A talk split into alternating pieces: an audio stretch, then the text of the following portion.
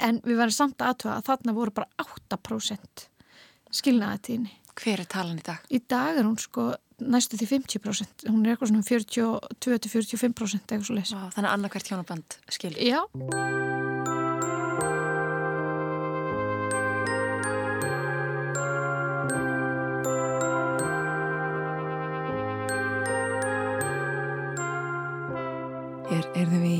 Kristínur Tómasdóttur hjónabandsráðgjafa en henni kynnustu betur síðar í þætti dagsins.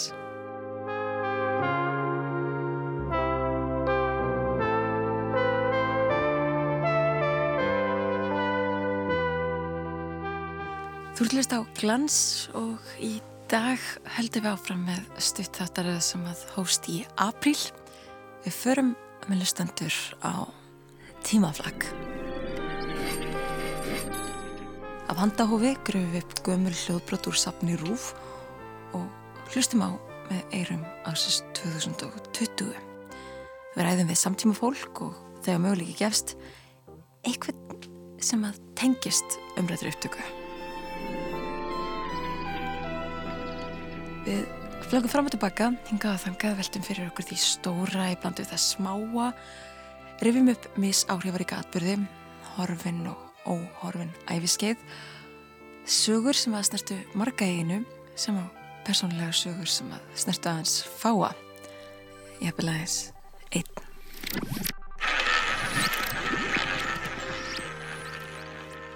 En nú erum við rúllettu hljóð og það þýðir að nú hef ég við tímaflag dagsins. And curiosity often leads to trouble.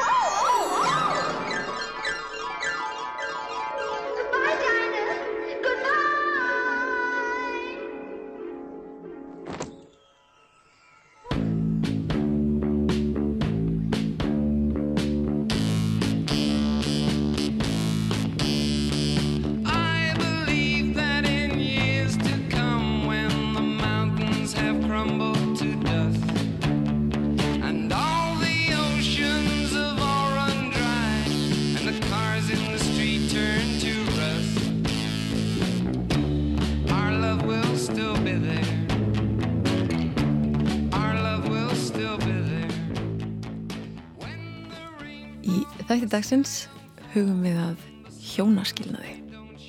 Í kvöld spyrjum við, hverjar teljið þér tíðastar orsakir hjónaskilnaða?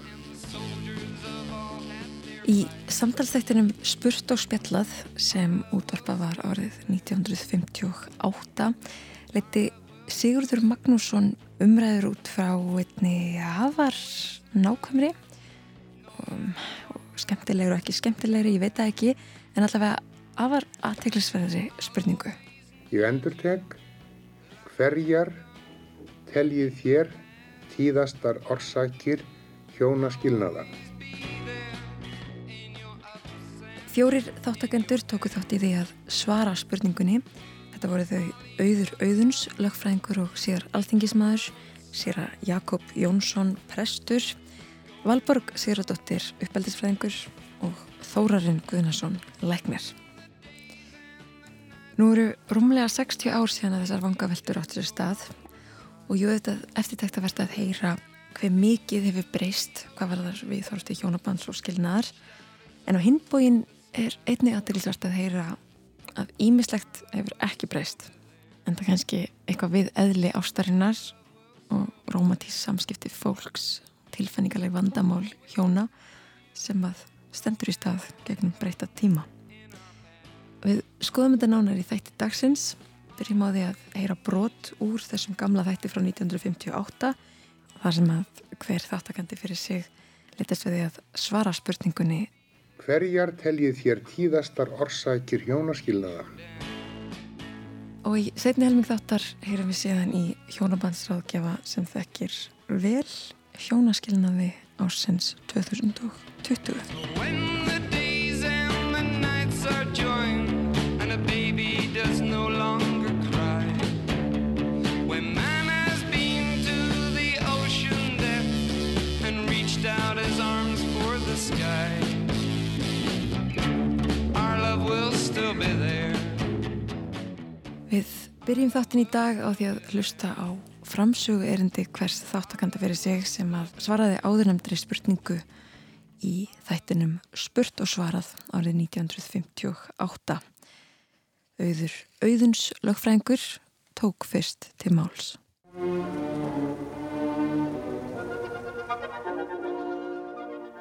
Þegar ég sem einn af þáttakendum í þessum útvarstætti leitast við að svara þeirri spurningu sem hér er til umræðu, það er að segja hverja séu tíðastar orsakir hjónaskilnaða, hlíti ég að miða svar mitt við þá reynslu sem ég hefi haft í starfi mínu sem lögfræðingu maðurastisnefndarinnar í Reykjavík, en í því starfi hefi ég nær tvo áratugi haft afskipta töluverðum fjölda hjónaskilnaðamála.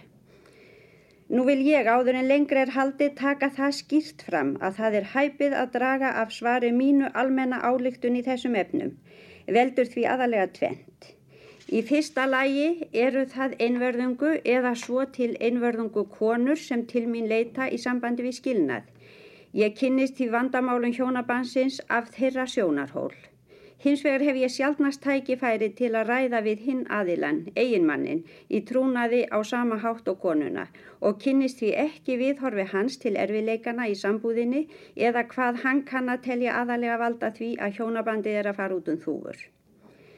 Í öðru lagi er réttar hjálp svo sem maðrastisnefndin veitir og er ókeipis, miðu við það að liðsina efnalitlu fólki og má vera að í hópi skjólstæðinga nefndarinnar sé það því tiltölulega tíðara en almennt gerist að fjárhagsörðuleikar eðileggi sambúð hjónana. Nú til viðbótar mætti skjóta því hér inn að sjálfnast mun vera um aðeins eina ástæðaræða sem skilnaður orsök, heldur fleiri samverkandi orsakir þó að einhver einstök sé þingst á metónum. Með þessar aðtúasemdir í huga vil ég þá svara spurningu þáttarins þannig að algengasta orsök þeirra hjónaskilnaða sem ég hefi haft afskipti af er drikkjuskapur eiginmannsins og þá venjulega samfara honum vanraksla á því að sjá heimilinu farburða og oft einnig hrottaleg framkoma við konu og börn. Nú af öðrum skilnaðar ástæðum virðist mér að helst mætti nefna ósamlindi hjónana ofbeldist neyð mannsins, einni hjúskapabrót og virðis mér þó hið síðastalda sjaldnar orsök skilnaðar en almennt mun vera álitið. Hinn sívaksandi fjöldi hjónaskilnaða er eitt hið alvarlegasta þjóðfélagsvandamál nútímas.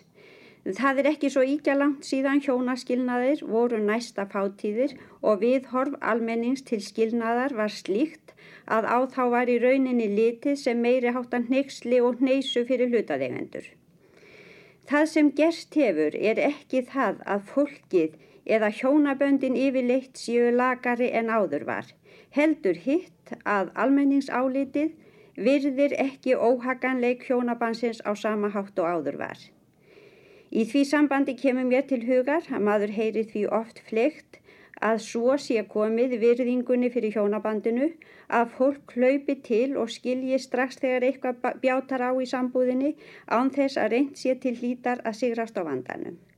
Ég verð að segja það að í þeim tilfellum sem ég þekki til hefur mér yfirleitt vist að reynd hafi verið eftir mætti að halda sambúðina áfram meðan undvar og ekki verið rasað að skilnaði.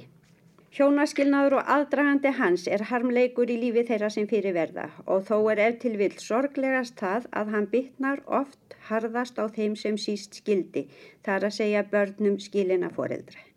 Allar aðgerði til þess að sigrast á þeim vanda sem sífjölgandi hjónaskilnaði skapa hljóta byggjast á því að finna orsakir meinsins.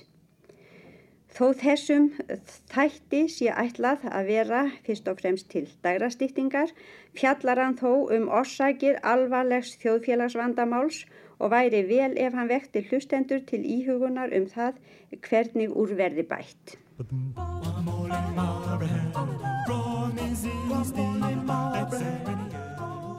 Auður Auðuns greindi þarna frá skoðunum sínum. Nú lustum við á sér að Jakob Jónsson svara spurningunni hverjar talið þér tíðastar orsakir hjónaskilnaðar? Svo spurning sem hér á að svara er ekki aðeins um það hvort misfellur kunna vera á sambúð hjóna og heimilis lífi heldur miklu fremur hvers vegna þessar misfellur leiði til skilnaðar. Það eru öll mein banamein. Mannlegt líf er allstaðar ófullkomið og syndugt en sömu misfellur leið ekki alltaf til sömu úrslita. Ég vil til dæmis vita til þess að örðuleikar sem á einu heimili urðu til að færa hjónin hvort nær öðru og leitu til dýpri skilnins og nánara samfélags urðu öðrum hjónum á fótakefli og allu fyrirlitningu, óvild og skilnaði. Hjúskapar örðuleika margra hjóna líka í því að þeir stopnuðu til hjónabans af fljótfærni í upphafi stundum í óraunsæri tilfinningavímu en næðu oft vegna þess að aðrar ástæður kölluðu að. Nokkuð stendur þessi fljótfærni í sambandi við það að einhvern veginn hefur svo fyrra komist inn hjá ungu fólki að allt sé í lægi með að byrja hjúskap því að það sé þá ekki annað en að slíta sambúðinni aftur eða því ekki saman. Það, þetta fólk veit ekki hvað það er að segja. Það þekkir ekki inn á grát og gnýstran tanna eða kólamirkur erfendingarinnar þegar heimil er að slitna í sundur eins og lífandi líkami sem verður að skeri parta. Eða þó að hjón hafi gifst, að vel aðtúður á því, reka þau samt sig samt á örðuleika sem félast í mann eðlinu sjálfu og ekki verða yfirunnir nema með strangum sjálfsaga. Hér á ég við einstaklingshyggjuna eða sjálfselskuna. Einleipur maður hvort sem er kallið að kona er vanur að fara sína leiðir án þess að ráðgast við aðra. En vanur ekki hjónin að mynda sér heimilisvenjur sem sameina þau svo sem sameinlegar kirkjuferðir, sameinleg bænahald, sameinlegar skemtanir, sameinlegar heimsóknir, þá uh, geta þau afvanist hvort öðru, svo maður segja, með tíman. Alvarlegast verður þó ástandi þegar annarkvort hjónanna getur ekki losað sig frá gamalli klíku sem það var í áður að giftist. Ósjaldan eru vínmenn þá bríndir á því á gamlum kunningum að þeir hafi svo mikið konuríki að þeir þor ekki lengur að taka snaps í hópi gamalla vína sem réttar að veri þó að kalla gamla smittbera. Einstaklishyggjan lýsir sér einnig í reynu ofríki heimafýrir. Annað kjónana vill þá ráðalegu yfir hinnu, jafnvel þegar um hverstaslegustu atriðar að ræða, svo sem klæðnað og matargerð. Og geta hjón þá tekið til hérna fáránlegustu úrræða til að terrorisera hvort annað. Sumt af þessum aðgerðum má síðan reykja til skapgerðar einkenna sem eru nokkuð algeng og einkend eru með orðinu infantilismi á máli sálfræðinga en það er barnaskapur eða krakkaskapur. Hann lýsi sér í því að fullorði fólk hverfi tilbaka til samskona lundarfars eða framkomu og einkennir börn á vissu stígi. Barnið er kenjótt og duttlunga fullt og finnur upp úr ímuskonar óþægð til að fá vilja sínu framgengt. Fullorði fólk grýpur stundu til slíkra ráða. Infantilismin er eins konar flótti frá veruleikanum eða getur að minnskosti verða. Öðrum þræður hann kjarkleysið uppgjöka hvort verkefni líðandi stundar en kjarkleysið á oft rætu sínar rekja til uppeldi síns til dæmis ofmikils eftirlætis. Og mér er ekki grunnlaust um að sum er hjónaskilnaði nú stafa því að yngri kynnslóðin hefur ekki alist upp við sjálfs afneitun. Og um, ein ástæðan sem er kannski algengari margan grunar er rángar hugmyndur um hjónabandi sjálf.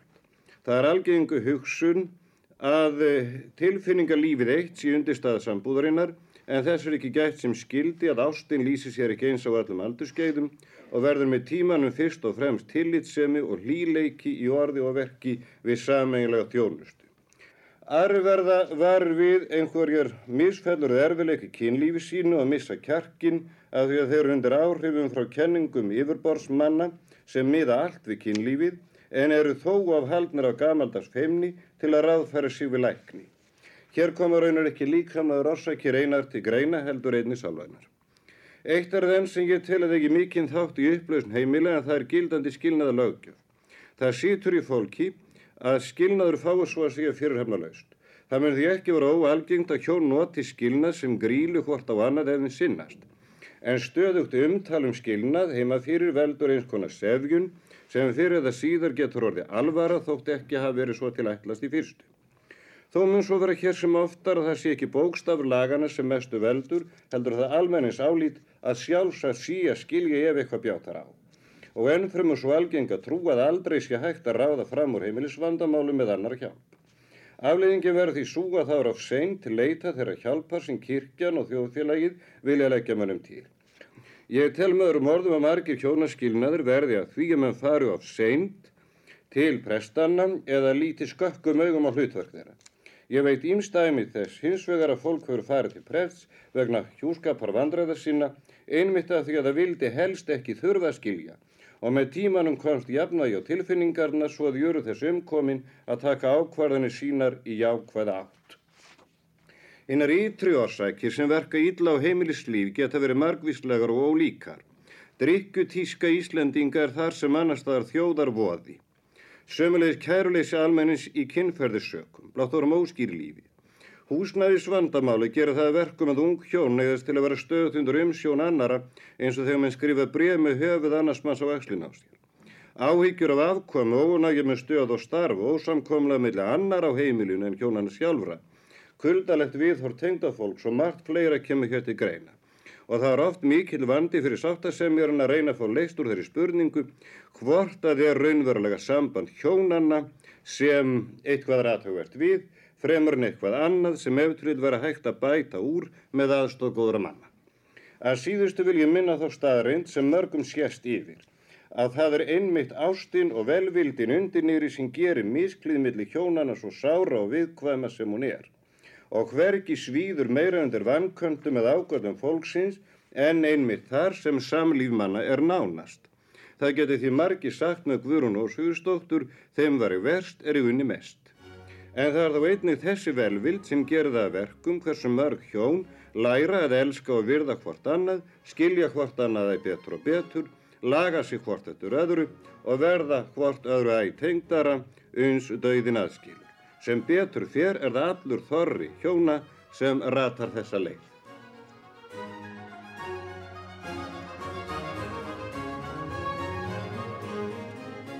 Sýra Jakob Jónsson lögmáli sínu. Valborg Sigurdóttir, uppeldisfræðingur, kemur næstu sögu. Hjónaskilnaður er eitt af hennum alvarlegu vandamálu nútímans, ekki síst þegar á það er lítið að fjöldi þeirra barna sem hjónaskilnaður bytnar á við því sífyllt fara vaksandi. Reynsla manna sínist hvarvetna vera svo að hjónaskilnaður sé miklu algengar í borgum og öðru þjettbíli heldur en í sveitum. Þegar á þjóðfjölu er lítið... Valborg greinir frá því upphæfið framsögsinnar að hjónaskilnaður hafi færst í vöxt á Norrlöndunum. Danmörk hefur þar haft fóristuna í þessu óefni eins og hún orða en árið 1955 lög 90% hjónabanda þar eða um 5. hverju með skilnaði.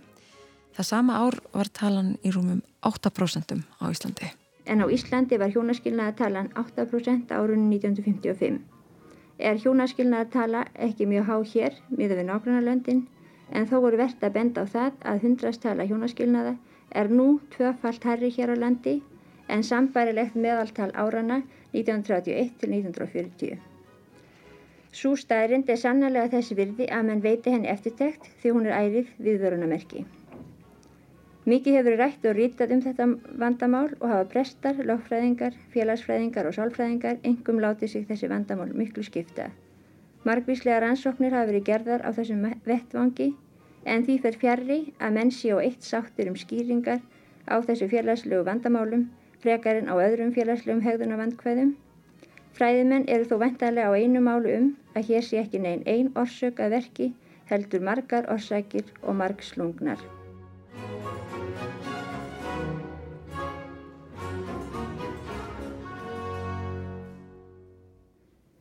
Farsæl sambúð hjóna byggist að mínu viti fyrst og fremst á gagfamri ást og virðingu og aðlögun hjóna, hvors að annars skapgerð og háttum. Í daglegu lífi merkir þetta að hjón verða að sveia sig hvort eftir annars venjum, háttum og personuleika. Til þess þarf margvíslega personuþroska. Aðlögunar hefni er hér veiga mikið atriði. Sálfræðingar hafa leitast við að rannsaka hvers konar skapgerðar eiginleikar séu hjá körlum og konum líklegi til að leiða öðru fremur til farsældar í hjónabandi og hverjir leiði öðru fremur til vannsældar og þá jafnvel til hjúskapaslita. Er það einhverjum bandaríski sálfræðingunum Terman sem fengist hefur við slíka rannsóknir og verið freistandi að reyka þær hér en tími gefst ekki til þess. Þegar rætt er um orsaki hjónaskilnaða verður að hafa í huga breytingar á ymsum félagslegum viðhorfum á síðustu áratugum. Í stuttu máli má segja að hjónabandi hafi áður fyrr haft meira aðhald en nú í krafti trúar, síðgæðis og annara lífskoðana. Fullir það má að trúarlegra viðhorfa gætir í minkandi mæli, trúar helgi hjónabandsins er áræðilega síður í heidri höfð, almennis áliti tekur ekki lengur hart á hjónaskilnaði, áður fyrr var þessu oft öðruvísi farið og hefur almennis áliti þá verkað sem hamla í þessu efni. Þeirra lífskoðunar gætur og mjög að hver og einn hefur rétt til að reyna að öðlast jafnmikla lífshamingi og hann getur hvort sem það er á annara kostnað eða ekki. Hinn eina sanna ást hefur rétt til að brjóta allar hömlur ef því að skipta. Til skamst tíma e, dró tillit til barna ótvírætt mjög úr hjónaskilnaðum. En eins og ég draf á í upphafi sína rannsóknir að skilnaður hjóna sem eiga fleira en eitt barn færist í auka. Eftir þess að dæma virðist að aðhald sem börn vittu í þessu efni áður fyrr hafa mingað. Efnaðastróunin skiptir einni verulegu máli í sambandi hjónaskilnaði. Áður fyrr naut konan yfirleitt ekki efnaðsleg sjálfstæðis í hjúskap og við hjúskaparslít var efnahagslegu hlutur hennar oft rýr. Laugjöf síðustu áratuga hefur stór bætt hlut konunar í þessum efnum og laugjöf um framfærslu barna úr hjúskap sem slítið með skilnaði hefur aukið möguleika konunar á að sjá börnum sínum farborða. Konur eiga einni miklu hægara með að afla sér atvinnu utan heimilis en áður var og á þetta ekki síst við um konur sem loti hafa sérmyndun til starfa. Vitund hvenna um þessa auknu ákváða möguleika veldur því að það sætta sér síður við það en áður að halda áfram hjúskapasambúð sem þeim finnst naumast bærileg. Mun þetta eitt með öðru stuðlað auknum fjölda hjónaskilnaða. Að lokum kemst ekki hjá að drepa áhugð aukna álag sem um fjölþætta nútíma menning leggur á mannsáluna. Hraðinn, hávaðinn, eldingarleiku við tíma og afkost, kapplaupið um efnisli gæði, metorð og völd og skemmtanir, allt þetta eigur taugaspennin útíma mannsins, þorri borgarbúa er þreyttur, ekki endilega líkamleiri vinnu, heldur vegna eldingarleiksins við lífsaminguna. Þreytan og taugaspennan gerir nútíma menn óhævar en ella til farsætlar aðlugunar á öllum sviðum mannlegs lífs, í námi, starfi og hjúskap. Við tölum um námsleiða, starfsleiða, lífsleiða og því þó ekki um hjúskaparleiða.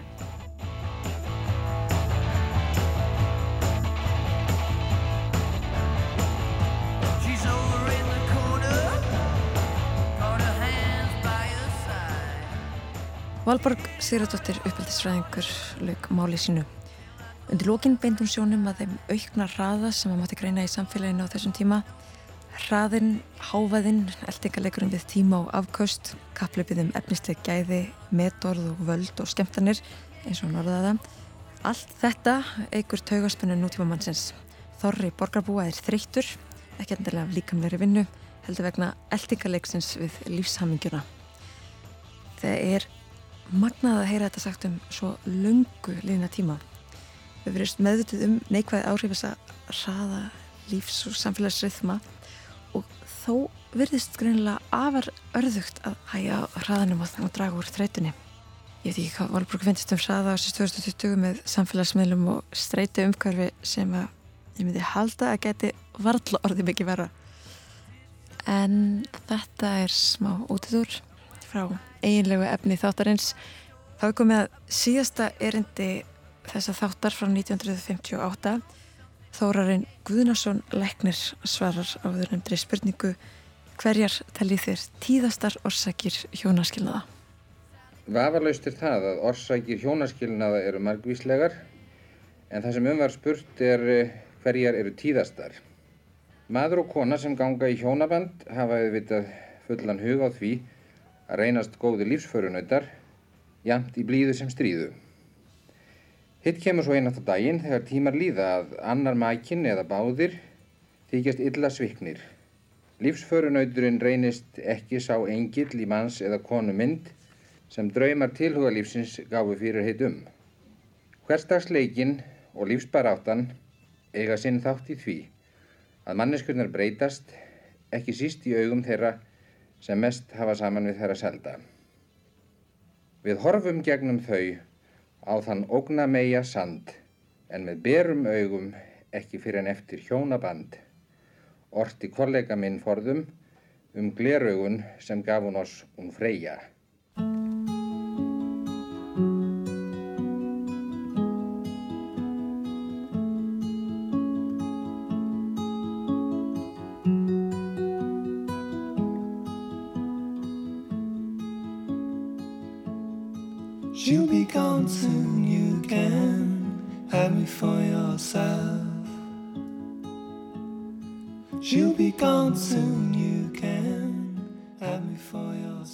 Ætli hjónaskilnaðir eigi ekki oftast rót sína að rekja til þess að ungu hjúin þekkjast ekki nógu vel.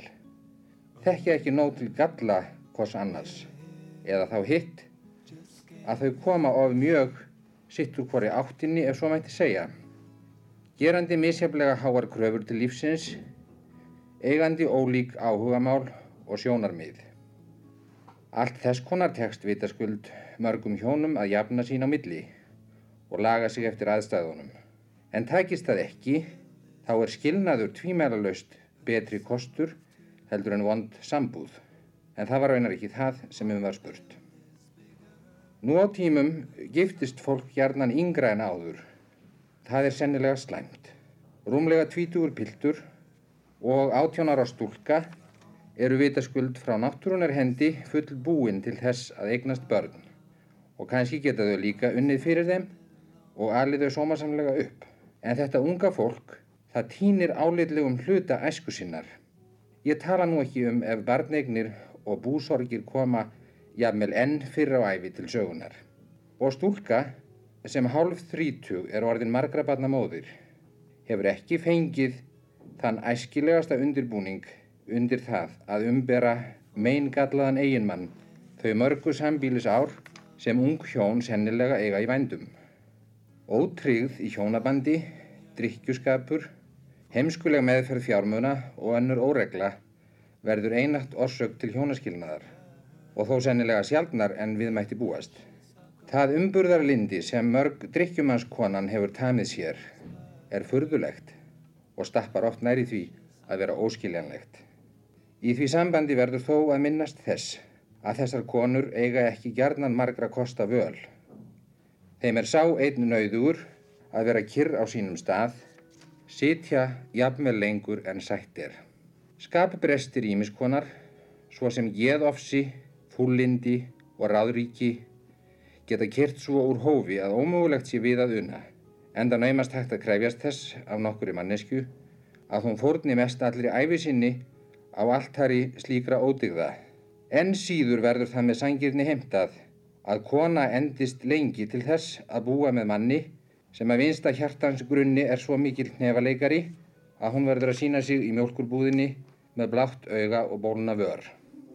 Sumstaðar erlendis, þar sem domstólar koma oftar við sögu hjónaskilnaða en hér, liggja orsakir skilnaða ef til vill ljósari fyrir heldur en hjá okkur að minnstakosti á papirnum. Andleg misþyrming heyrist oft nefnd í sambandi við slík mál og má sjálfsagt leggja í það hugtak íminnskonar merkingar en orsakirnar eru vafalítið svipaðar hvort sem hjóna erjurnar eiga sér stað austur í Grímsnesi eða söður í Súdan.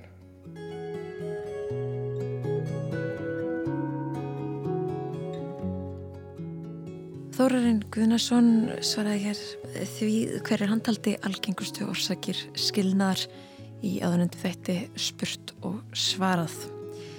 Nú, 62 árum síðar er ég forvitin að vita hver mikið hefur breyst. Ég fekk til mín konu sem að þekkir efnið áravel. Ég heiti Kristín Tómasdóttir og ég er fjölskyldum meðferðarfræðingur og starfa fyrst og fremst með hjónum í bara hjónumbassaraðgjöf eða pörum, þetta er parameðferð. Nú, hefur hlustað á þáttinn frá 1928 þar sem að lögfræðingur, læknir, uppeldisfræðingur og prestur komið saman og rættu orsakir hjónaskilnaðar það árið. Þau sagðu frá því hverjar þau taldu tíðustu orsakir hjónaskilnaðar. Ég er forvitin að vita hvernig þú myndi svara þessari spurningu nú árið 2020 þannig ég ætla bara að spyrja beint út. Kristín, hverjar teljið þér tíðastar orsakir hjónaskilnaðar? Sko, mér fannst mjög margt sem kom að það fram hjá þeim eitthvað sem að áalveg líka við í dag. Að þegar fólk skilur þá skilur það eflitt út af einhverjum vanda. Og þegar fólk skilur þá skilur það eftir að vera búin að reyna að leysina vanda. Og þetta er svona örþirfa ráð og það kom alveg aðna fram að fólk er yfirleitt búið að reyna það leikur sér ekkit að því að skilja sko og ég held að, að þú veist, allt þetta sem þau eru nefna með trúnabrot og eða þú veist, trúnabresti og ekki nóg mikið að samhjulum áhuga málum og ekki eyða nóg miklum tíma saman, fjárhagsvandi og svona ójafvægi eins og bara, þú veist, staðan var á þessum tíma millir kynjana og, og annað að það hefur að sjálfsögja áhrif á það að fólk skilur frekar en ef þessir þættir væri ekki til staðar en þetta er ekki spurning sem þú getur svarað jú, tíðasta skilna þetta er bara það er hvert einasta mál sem að ég fæ inn á mitt borð er ólíkt. Ég segi stundum þetta er eins og að setja nýja spóltækið í hver skipti. Og það er að sjálfsögðu eitthvað svona munstur sem að maður sér og stundum er framjáhald og stundum er áfengisneisla og stundum er uh, samsettar fjölskyldur með flókin stjúptengsl og eitthvað svona en ég hugsa aldrei, að já, þetta er svona par. Og ég hugsa aldrei þau eftir að skilja út af þessu. Ég hef svolítið brent mig á því.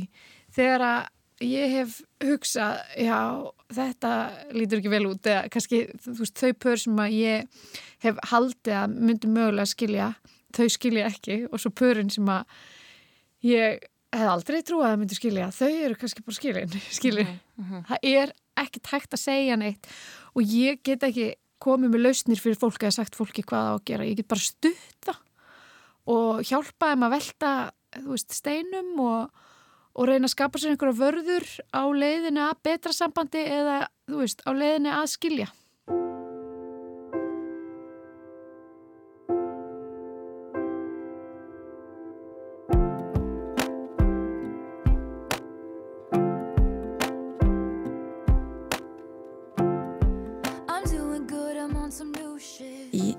þætti frá 1958 er talað um sívaksandi fjölda hjónaskilna sem eitt alvarlegasta þjóðfélagsvandamál þess tíma.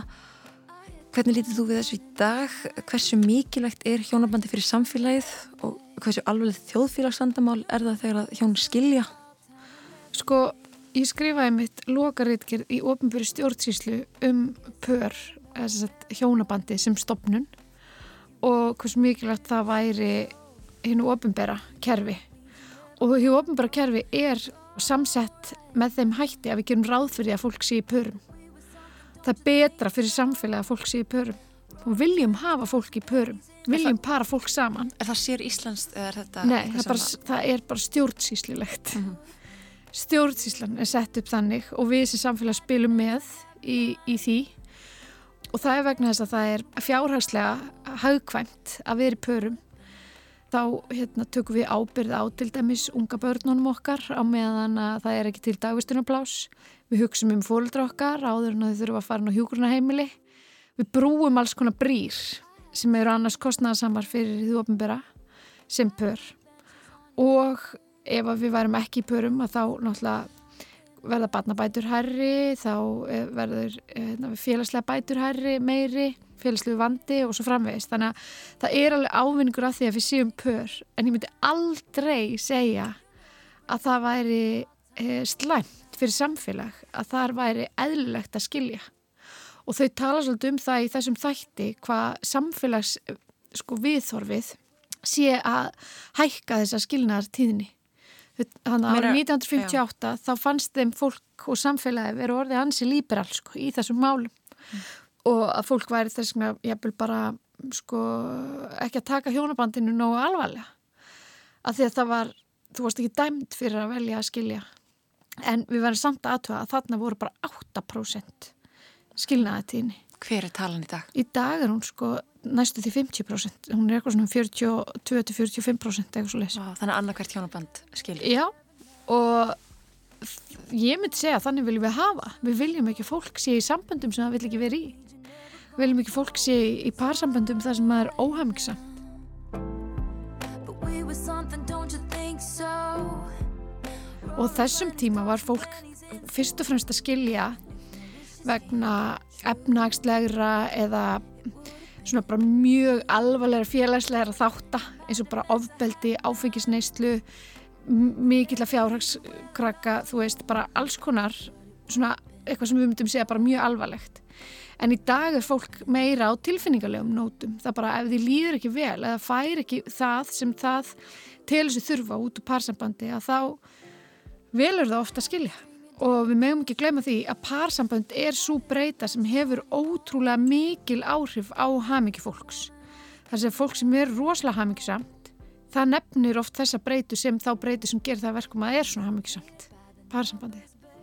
Og til samanbyrjar þá má sko bara hvað áhrif peningar hafa á haminguna ef við eigum í okkur á, ef við þurfum ekki að hafa ákjörða að börnir okkar fara að svönga að sofa ef við eigum, ef við eigum þakka fyrir höfuð að þá bæta miklu peningar það að vera mjög rík bæta einu prósenti við.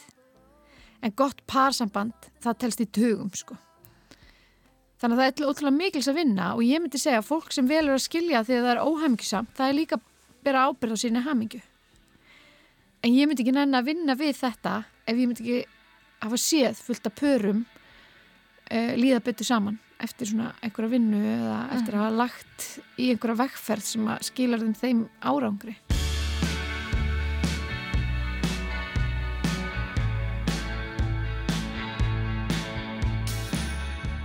En ef að svo margir er að skilja, hvað þýðu það? Þýðu það að fólk er almennt að velja sér ranga maka, það er á villigötum þegar það kemur að ástinni, Hva, hvernig sér þú þetta?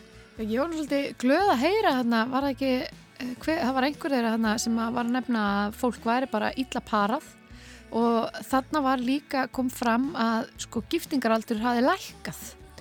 Það týðkaðist ekki að gifta sér svona ungur en í kringum hann 1958 þá hafi giftingaraldur lækkað sem hann hefur ekki gert upp á síkasti, þú veist, nú er hann orðin frekar hár með við það sem hann var þarna, þarna vor, var fólk bara að gifta sig 18, 19, 20 ára og þau segja alveg bara, fólk hefur kannski ekki endilega þroska til að velja sér það sem að það þarf í parsambandi á þeim aldrei og ég er alveg sammála því en ég held að það tengist ekki endilega aldrinu. Ég hef alveg trú að pörum sem hafa byrjað saman 16 ára og, og þroskast saman rétt átt. Ég held að aldurinn per se skipta ekki mestumáli en ég hef stundu gert grínaði að fólk mætti alveg vanda sér meira þegar að velja sér maka. Við vöndum okkur alveg rosalega mikið þegar við erum að velja okkur hundategund til dæmis. Þá bara skoðum við ættbækur og eiginleika og við prófum hunda og hesta líka þeir eru prófaðir rosalega mikið og hérna mismunandi karaktera líka skoðaðir og svona. En mér finnst stundum parsambönd þróast af tilviljun fólk segi bara, já, ég kynst þessi tindir og svo fór þetta, leði þetta, þú veist, gekk þetta frekar svona rætt fyrir sig og svo er ég bara nólétt eða eitthvað svona Mm -hmm. og bara en okkur er óvart. fólk ekki að prófa makana lengur eða hvað hva Sko, ég held líka að þetta sé svona, hann lísti þarna, hvort það var ekki, var ekki bara presturinn sem sagði eitthvað svona tilfinninga rússibannin sem fer að stað er eitthvað sem fólk heldur að sé ást. En það er það ekkert endilega, ég las einhvern tímann að við þyrstum tvö ár til þess að vita hvort við værum í raun og veru ástfangin. Því það villir svolítið fyrir okkur þessi gleði hormón sem við framköllum það villir fyrir okkur sko ímyndin um gott parsamband ímyndin um einhvern einstakling og svo stendur hann kannski ekki alveg undir því. Þannig að það þarf ákveðin tíma til þess að vita er þetta rétti makin fyrir mig? Og svo heyri ég stundum svona, við getum ekki fara að hætta með hann núna, ég er búin að hitta alla fjölskyldinans Þannig að fólki finnst að kannski hafa vaðið aðeins og hratt inn í eitthvað og vill ekki valda einhverjum vombriðum, vill ekki særa einhvern, kannski ekkit eitthvað svona kottni sem fylgti mælinn þannig að það sætti sig kannski við eitthvað svona og verður aldrei alveg hamingsamt. Nei, svo sérst að tölum þá er greinlega erfitt að finna hann rétt að maka. Það er nefnilega mjög erfitt, þetta vex ekkit á hvaða strái sem er. En er það erfitt að því við erum all svo flókin eða hvað, hver er það svo erfitt? Mér finnst sko hjónabansráðgjafar vera vannmetinn auðlind í þessum efnum. Mér finnst bara ég eigi að vera svolítið í þessu og það hefur náttúrulega alveg verið gert í gegnum tíðina. Það er til svona hérna, fólk sem bara sér hefði sig í því að para sama fólk og vilji því ekki fara á date og eitthvað svona speed dating og eitthvað svona. Myndi- þú, heldur þú virki betur en Tinder? Ég held að ég virki betur en Tinder en ég held að ég virki kannski aðalega betur en Tinder til þess að hjálpa einstaklingnum að hjálpa sér. Mér finnst eh, hérna, fólk sem eru að lausa allt og lítið vera að leita til hjónabalsrákja en ættu kannski að gera það einmitt til þess að fá bara aðstof við að svona áttu að sjá því hvað er það sem þú vilt og, og hérna, að hvert að leita að og hvar var kannski best að gera það.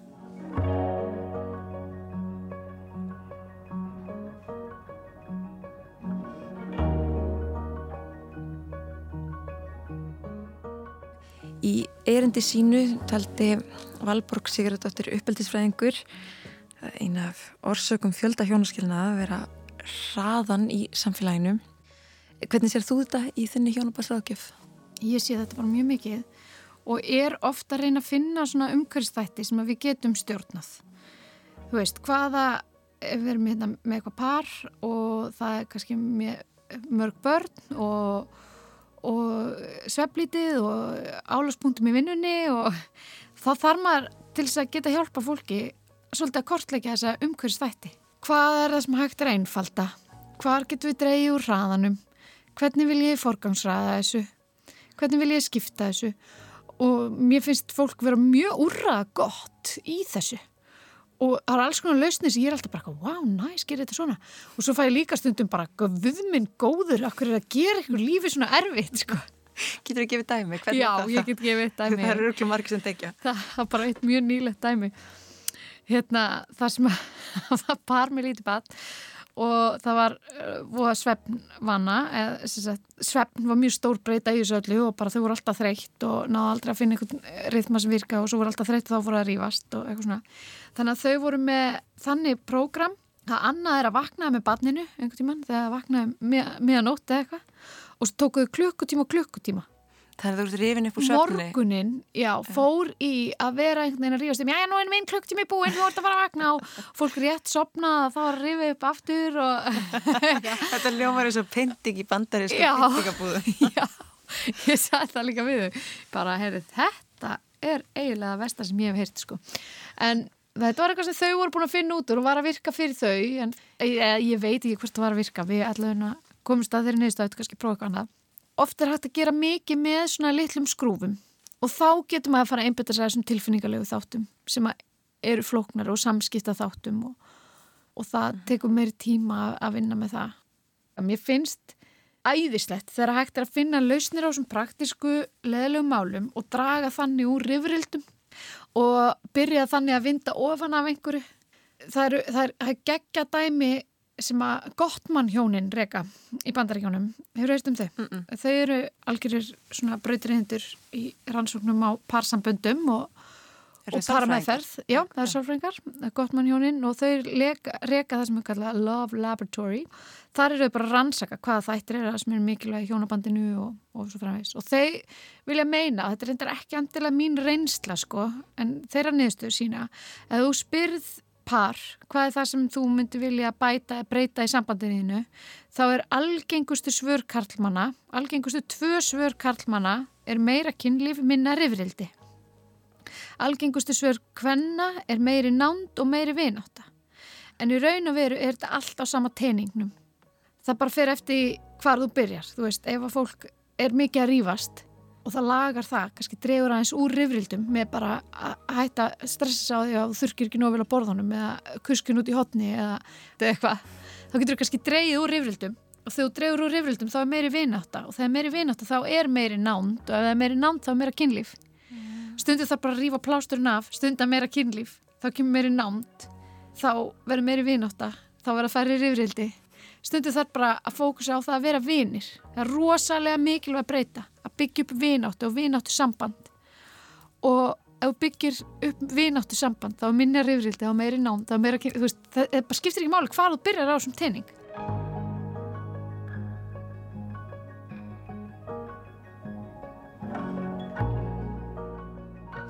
En hvernig heldur þetta þróist? Nú erum við búin að fylgjast með þessu í svolítið tíma og ég meina 62 ár talan fyrir úr 8% í 42 til 45%. Eh, Getur þetta hækka mikið meira? Eða að því að ég meina, við leitum alltaf í pör ef við erum alltaf... vel núna, hún hefur bara staðið svolítið í stað undan farin áratug eitthvað svo leis þessi tala svo er það náttúrulega líka þannig að fólk er ekkit alltaf gift og þess að tölur er svo villandi Einmitt, en fólk í dag er ekkit alltaf að gifta sig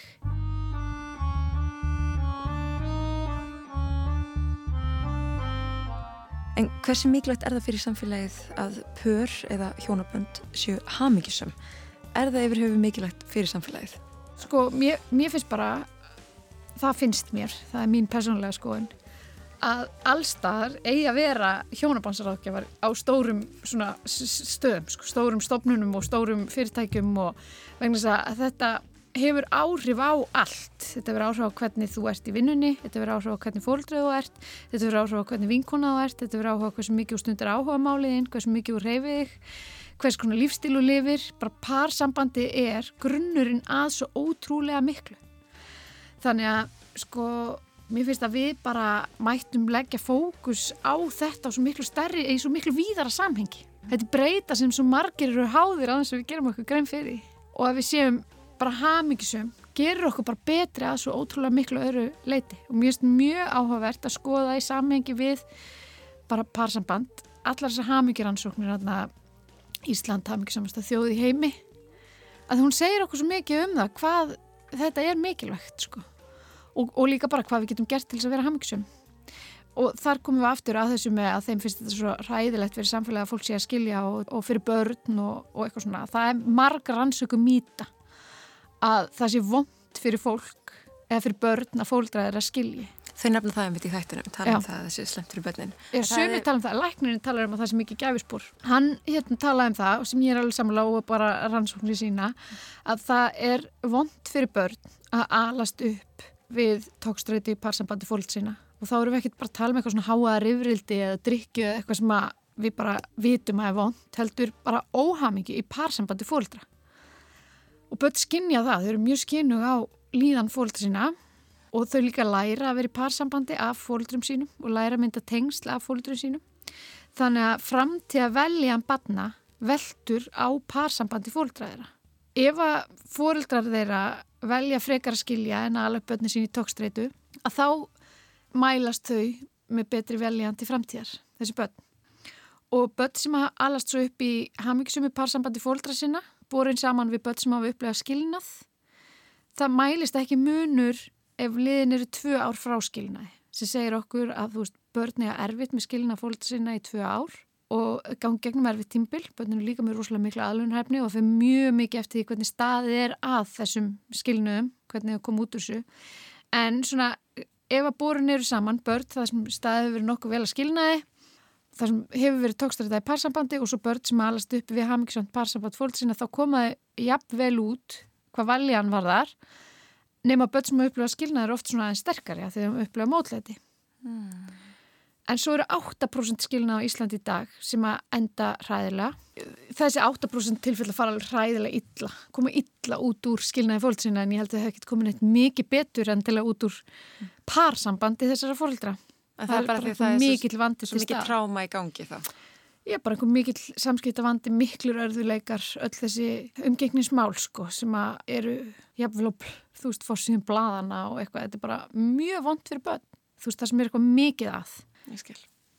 En hvernig lítur á til dæmis um, að að breytast varandi kyn og kynneið og uh, já, annars konar sambandsform, mm. opinsambönd, Já. polyamorus, allt það. Hvað áhrif heldur að þetta komið til með að hafa á uh, hjónabandi sem stopnun? Það væri svo áhugavert að spurja þessa fjóra einstaklinga þarna 1958 hvað þeim þætti, hvernig þeim eitthvað svara þessu. Við erum alltaf bara sem samfélag alltaf að verða meira og meira opinn fyrir svona og ég held að það sé vegna þess að við sjáum að afleggingarna því er ekkit endilega slæmar. Og eh, það sem að, að ég ger í minni vinnu er ekki segja fólki hvað á að gera heldur hjálpa þeim að finna sína lausnir. Og til dæmis að þá er mjög oft lausnin að fólk þurfa að fara sundur í smá tíma. Fólk þurfa að sakna hvers annars til þess að geta laga sambandi sitt. Að þegar við þráum það sem að við fáum ekki og ef að fólk er spurt hvernig elskar maka en mest þá svarar það yfirleitt sko, eitthvað sem tengist í þegar hann í burtu. Hann er í vinnunni, hann er ekki heima, hann er í eh, ferðum erlendis eitthvað svona að þegar við þráum það sem við fáum ekki. Og stundum er bara fólk miklu vinir og bara gengur vel í sambandinu, þú veist, en það vantar einhverja spennu og einhverja þrá og þá þarf fólk stundum bara að fara sundur til þess að mynda það. Stundum þarf fólk einhverja spennu og vil hafa einhver, eitthvað fleiri fólk, fleiri fólk með sér í þessu þá er það bara þeirra laust. Ef fólk er liðið vel með það og fólk er hamngisönd með það, þá er það þeirra leið. En svona að því að uh, bara að það breytist svo margt með tímanum og uh, ef við hugsim til þess að sko framtíðar Íslendingar hlusti á okkar spjall eftir önnur 62 ár. Guðmund verður góður, það verður mjög áhugavert já, hlýtur margt að breytast. Sér þið fyrir þér að, að, að stjórnsýslan til dæmis búi til fleiri lögvernduð sambandsform Nei, ég ætla bara að vona það. Bara alveg svo í dag verið nýbúin samþykja alveg frábær lögvarandi kyn og þú, þú getur bara svolítið ráðið þessu sjálf í dag. Hvernig þú skilgrinni þig út frá kyni. Og ég myndi segja að hljóta að vera minna en 62 ár þá ætla við verðum farin að þá ætla stjórnsýslan verði opinn fyrir einhverju fleiri sambúða formum. Það þróast bara í takt við samfélagið.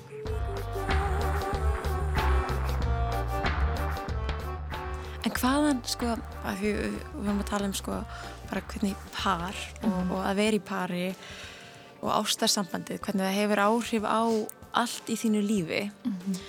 Af hverju, af hverju er ástin og ástarsambandið svona ofbáðslega mikilvægt fyrir mannin? Sko það er eitt þáttur sem er mjög áhugavert að skoða í þessu samvikið. Það er að fólk sem er gift, það skilur síður. Sem segir okkur að það er skuldbinding.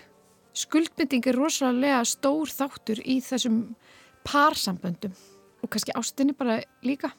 Að skuldbindast og einhver sé skuldbindin þér og að þú sért að hugsa til einhvers og að lífið þitt velti svolítið á öðrum og sért fast í, í lúpu með einhverjum öðrum.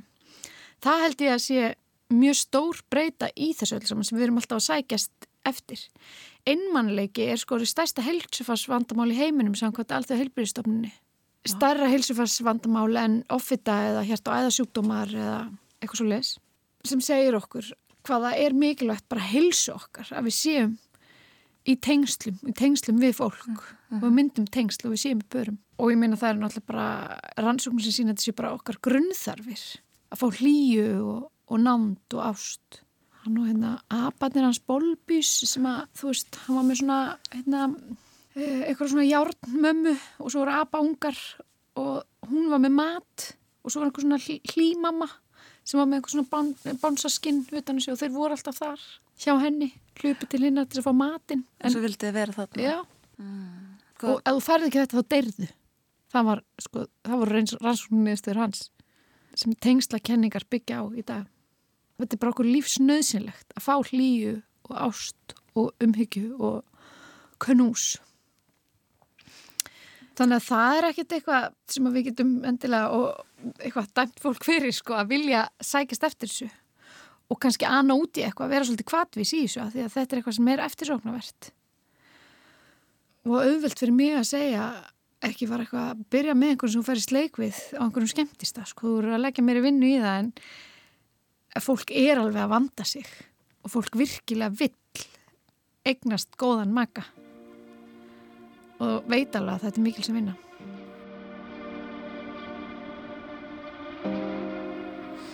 ég þakka þið bara kærlega fyrir komuna. Takk fyrir mig